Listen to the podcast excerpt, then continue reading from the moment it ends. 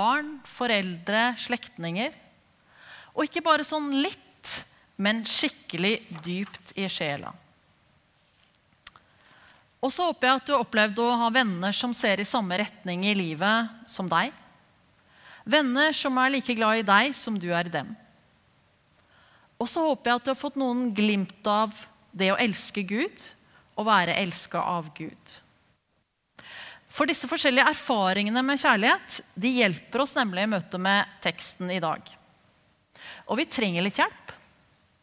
For det første så er dette en veldig velkjent tekst disse versene fra det første korinterbrevet. Jeg tror det må være en av verdens mest kjente bibeltekster. Og kanskje har vi hørt den så mange ganger at vi har slutta å høre etter. Men det er sånn at disse ordene fra korinterbrevet om kjærlighet de leses i så mange sammenhenger. Og det er litt sånn gåtefulle og fine formuleringer her. Å se som i et speil i en gåte. Altså, dette er jo poesi. Det er vakre ord som kan nå mye lenger ut enn en indre krets av kristne. Så dette er dermed ord som vi kan ta med oss overalt, og som vi også kan møte mange steder. Så denne søndagsteksten tenker jeg er en sånn fin anledning til å prøve å forstå og også gjøre disse versene til vårt eget, sånn at vi kan gi dem videre.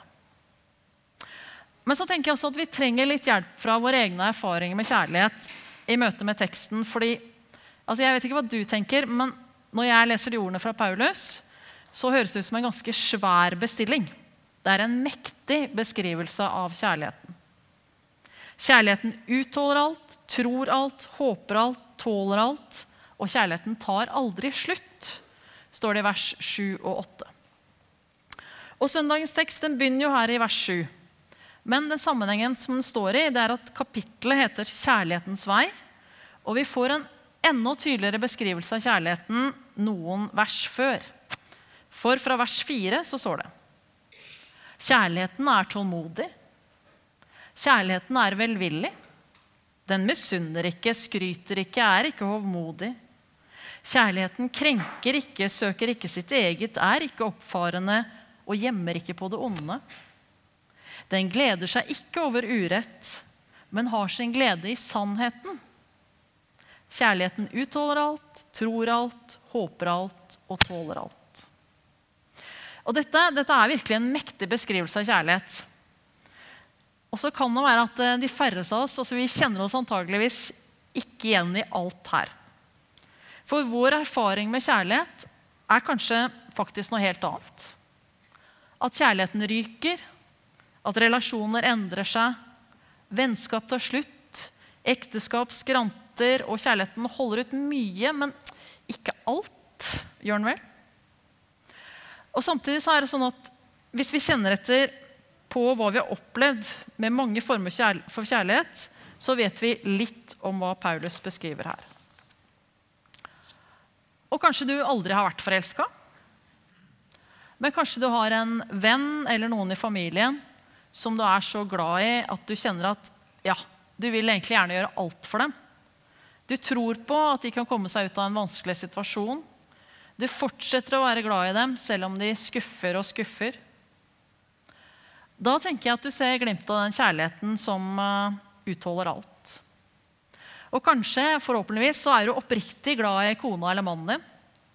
Og kanskje du har vandra så lenge i det samlivet at du virkelig bryr deg mer om hvordan han eller hun har det, enn hvordan du selv har det. Og da vet du litt om hvordan det kjennes at kjærligheten forhåpentligvis aldri tar slutt. Og kanskje du har opplevd et møte med Guds kjærlighet som gjør at du elsker hele verden. Du elsker alle du møter. Naboen vår fortalte at da han som voksen eh, ble kjent med Jesus og ble nyfrelst, så følte han virkelig at han elsket og brydde seg om alle han så. Alle på gata, på trikken, alle i hele Oslo. Og det tenker jeg er å forstå kjærligheten litt mer enn bare stykkevis. Og så trekker jeg fram disse her helt forskjellige eksemplene på kjærlighet og bruker tid på det med erfaringer. Fordi det Paulus skriver om, kan jo oppleves som veldig stort. Men vi har alle erfaringene som kan hjelpe oss å forstå hva han mener. Og så er det sånn at Kjærlighet er et veldig stort ord i seg sjøl. hvordan skal vi som ønsker å leve det kristne livet, kunne erfare og gi denne kjærligheten videre, som Paulus beskriver for oss. Og Da har jeg lyst til å gløtte til en tenker som har levd før oss. Jeg tror ikke det er første gang jeg siterer C.S. Lewis. Jeg tror jeg har gjort det i hvert fall én gang her før fra talerstolen. Men C.S. Lewis han var professor ved både Oxford og Cambridge-universitetene. Og han har bl.a. skrevet Narnia-bøkene. Han har også skrevet veldig mye om kjærlighet. Han har skrevet en bok som på norsk heter Om kjærlighet. Og han har skrevet om alt fra forelskelse til en hel bok om sorgen over å miste kona veldig tidlig i ekteskapet. Hun døde av kreft. Um, og Louis han deler opp kjærligheten i fire kategorier. Hengivenhet, vennskap, forelskelse og nestekjærlighet. Og om å være forelska mann skriver Louis i et essay. Hele verden fortoner seg annerledes når han ser henne. Stemmen hennes minner ham om noe han har forsøkt å huske hele livet. Noe han har forsøkt å huske hele livet, det syns jeg er en fin setning. For det er noe i oss som gjenkjenner kjærligheten, som vil kjærligheten, som lengter etter kjærligheten. Ikke bare den forelska kjærligheten, men enda mer den evige kjærligheten, sånn som vi leser om den i søndagens tekst.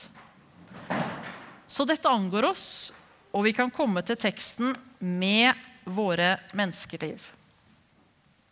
Det er ikke slik at denne teksten handler om astrofysikk eller er en sånn teoretisk utlegning med språklige spissfindigheter som bare angår de som egentlig forstår gresk. Nei, Paulus skriver om noe som angår oss. Og teksten i Korinterbrevet den er ikke skrudd sammen sånn at den bare stiller opp et ideal for oss. Teksten veileder oss også eh, i livet som kristen i forhold til kjærlighet. Hva snakker jeg om nå? Jo, for det første så trenger vi ikke å forstå fullt ut. Ordet 'stykkevis' står tre ganger i denne teksten. For vi forstår stykkevis og taler profetisk stykkevis.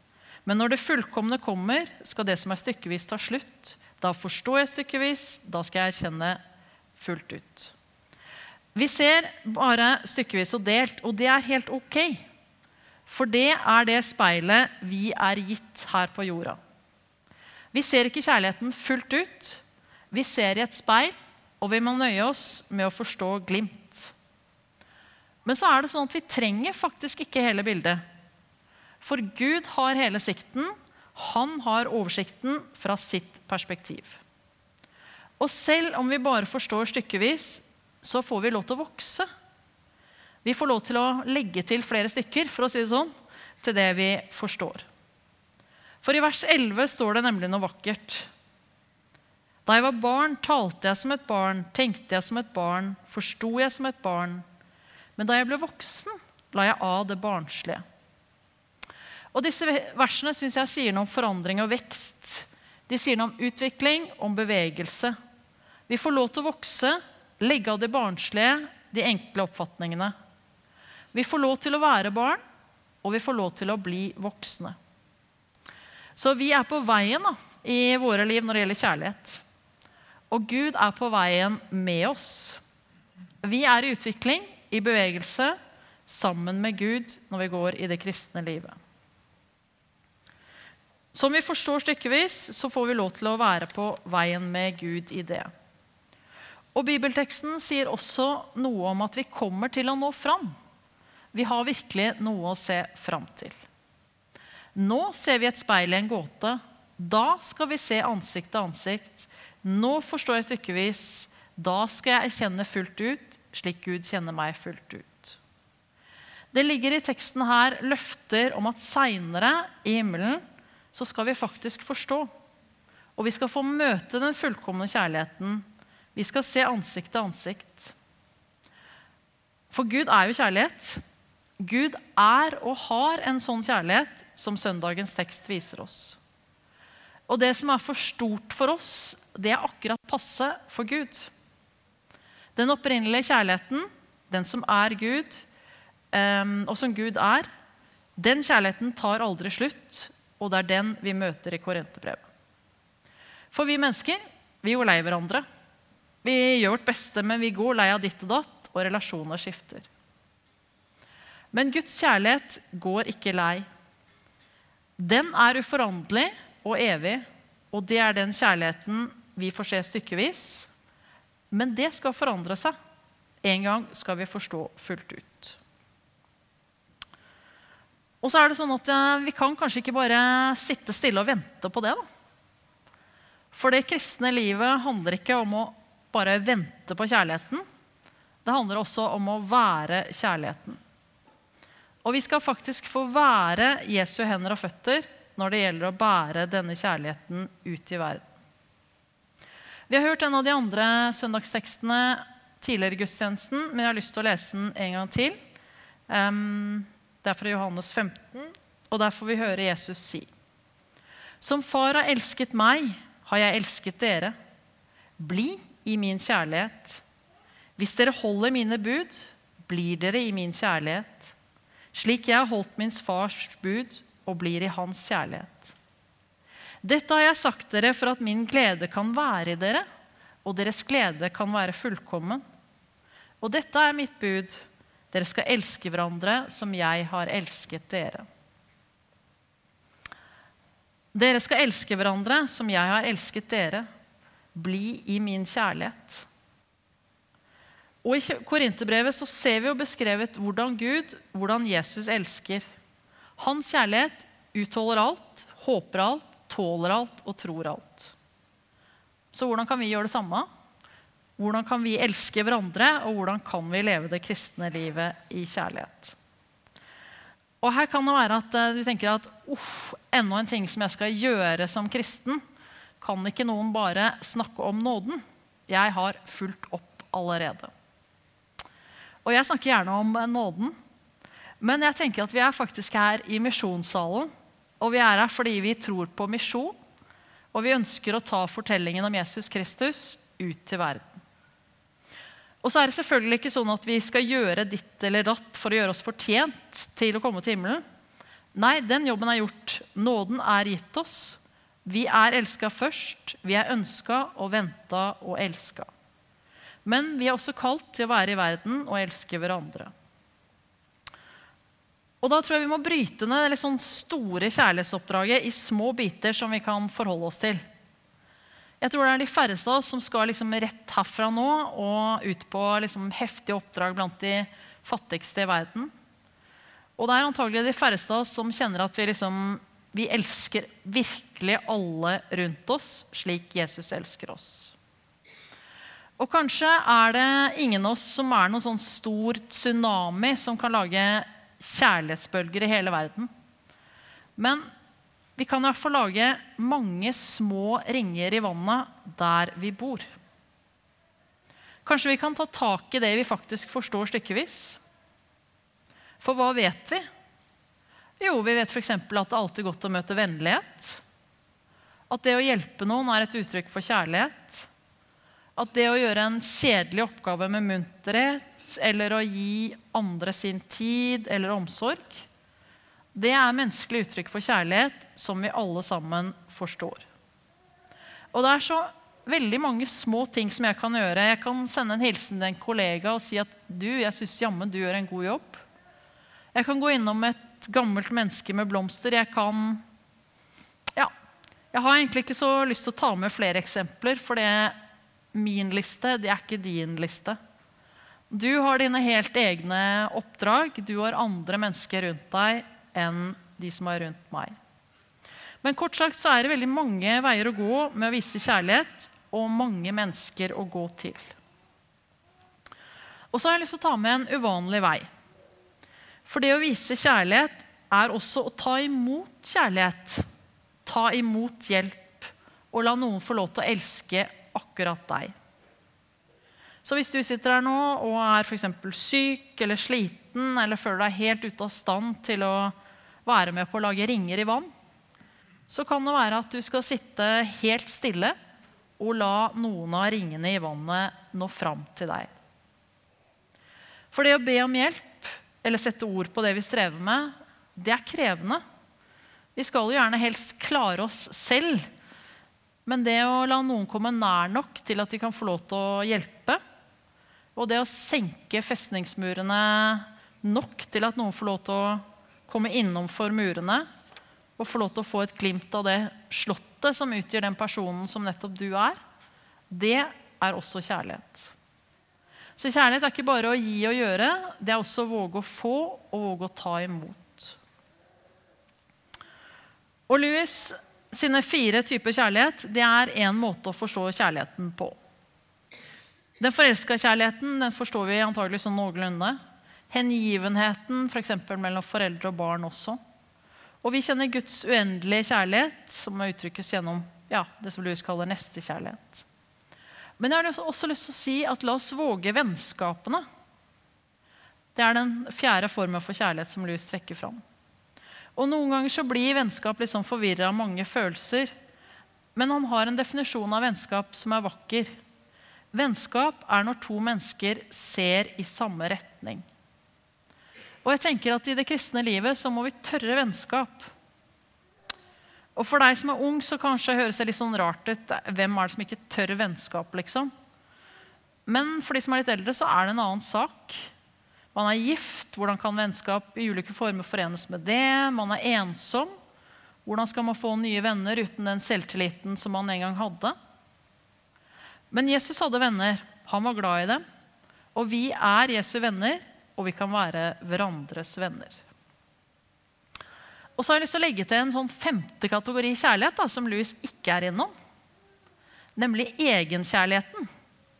For den kjenner vi godt fra det kristne livet vårt, på godt og ondt. Og I Matteus 22, vers 37-39 står det Du skal elske Herren din Gud av hele ditt hjerte og av hele din sjel og all din forstand. Dette er det største og første budet. Men det andre er like stort. Du skal elske din neste som deg selv. Du skal elske din neste som deg selv. Men mange av oss er kritiske til oss selv. Nådeløse, kanskje full av selvhjelpsprosjekter og mange forskjellige ting vi skal fikse på. Og egenkjærlighet kommer i mange forkledninger. Men den sunne egenkjærligheten den hjelper oss til å gå til Gud med strevet vårt feilstegene våre, syndene våre. Den sunne egenkjærligheten hjelper oss til å ta vare på oss selv som et elsket barn av Gud blant andre barn som Gud er akkurat like glad i. Så Guds kjærlighet omfatter ikke bare alle andre og er ikke bare et oppdrag vi skal utføre. Guds kjærlighet omfatter oss. Og I teksten vår i dag så står det slik, eh, står det, slik Gud kjenner meg fullt ut. Det er en nydelig setning, dette i vers 12. Nå forstår jeg stykkevis, da skal jeg erkjenne fullt ut, slik Gud kjenner meg fullt ut. Gud kjenner meg fullt ut, og Gud kjenner deg fullt ut. Gud kjenner oss fullt ut. Og Guds kjærlighet til oss, den utholder alt, håper alt, tåler alt og tror alt så får vi lov til å bære denne kjærligheten. da. Stykkevis og delt, og så godt vi kan, så godt vi greier, så langt vi forstår ut i verden. Men om vi ikke syns at vi greier det slik vi vil, så er Guds kjærlighet slik som Paulus beskriver likevel. Guds kjærlighet til oss er tålmodig. Guds kjærlighet er velvillig. Den misunner ikke, skryter ikke, er ikke hovmodig, krenker ikke, søker ikke sitt eget er ikke oppfarende og gjemmer ikke på det onde. Guds kjærlighet gleder seg ikke over urett, men har sin glede i sannheten. Og Guds kjærlighet utholder alt, tror alt, håper alt og tåler alt. Så, så, om det er mye som du også strever med, mye du skulle gjort annerledes eller tenkt annerledes, eller hva det nå enn er, så tåler Gud faktisk det. Han tror på deg, han håper på deg og din kjærlighet. Både den kjærligheten som du har til ham, og til oss rundt deg. Om vår forståelse og vår måte å være kjærlighet eller bære kjærlighet ut i verden på ikke er slik vi håper, om vår kjærlighet kommer til kort, så gjør ikke Guds kjærlighet det. Den tar ikke slutt. Jeg har lyst til å avslutte med en bønn. Kjære Gud, takk for at du er kjærlighet. Takk for at din kjærlighet bærer oss når vi bare forstår stykkevis og delt. Men hjelp oss å gripe din kjærlighet, erfare din kjærlighet.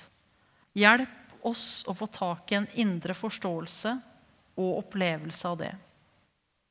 Og la det forandre oss, sånn at vi kan gå ut med din kjærlighet og elske verden i våre liv slik som vi er.